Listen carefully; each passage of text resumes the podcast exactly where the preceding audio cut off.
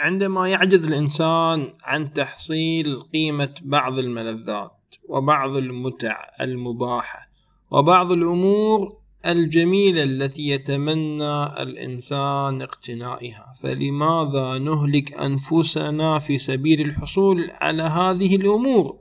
بعض الشباب عندما يطمح لشراء سيارة ما وهي تفوق إمكانياته وتفوق قدراته ولا يستطيع على تحمل نفقاتها. نجده يتحمل عناء القروض وما فيها من فوائد ثقيلة وما في هذه السيارة من نفقات كثيرة من صيانة ومن بنزين ومن تأمين شامل وغيرها من النفقات. فعندما يقتني هذه السيارة وتذهب سكرة الفرح والنشوة بعد شهر أو شهرين يتفاجأ بالواقع المر وبالخيار السيء الذي اتخذه ويندم على هذا الاختيار ويصبح اسيرا لهذا الدين لمدة قد تصل إلى خمس أو سبع سنوات وهي تقتطع جل راتبه وجل تعبه.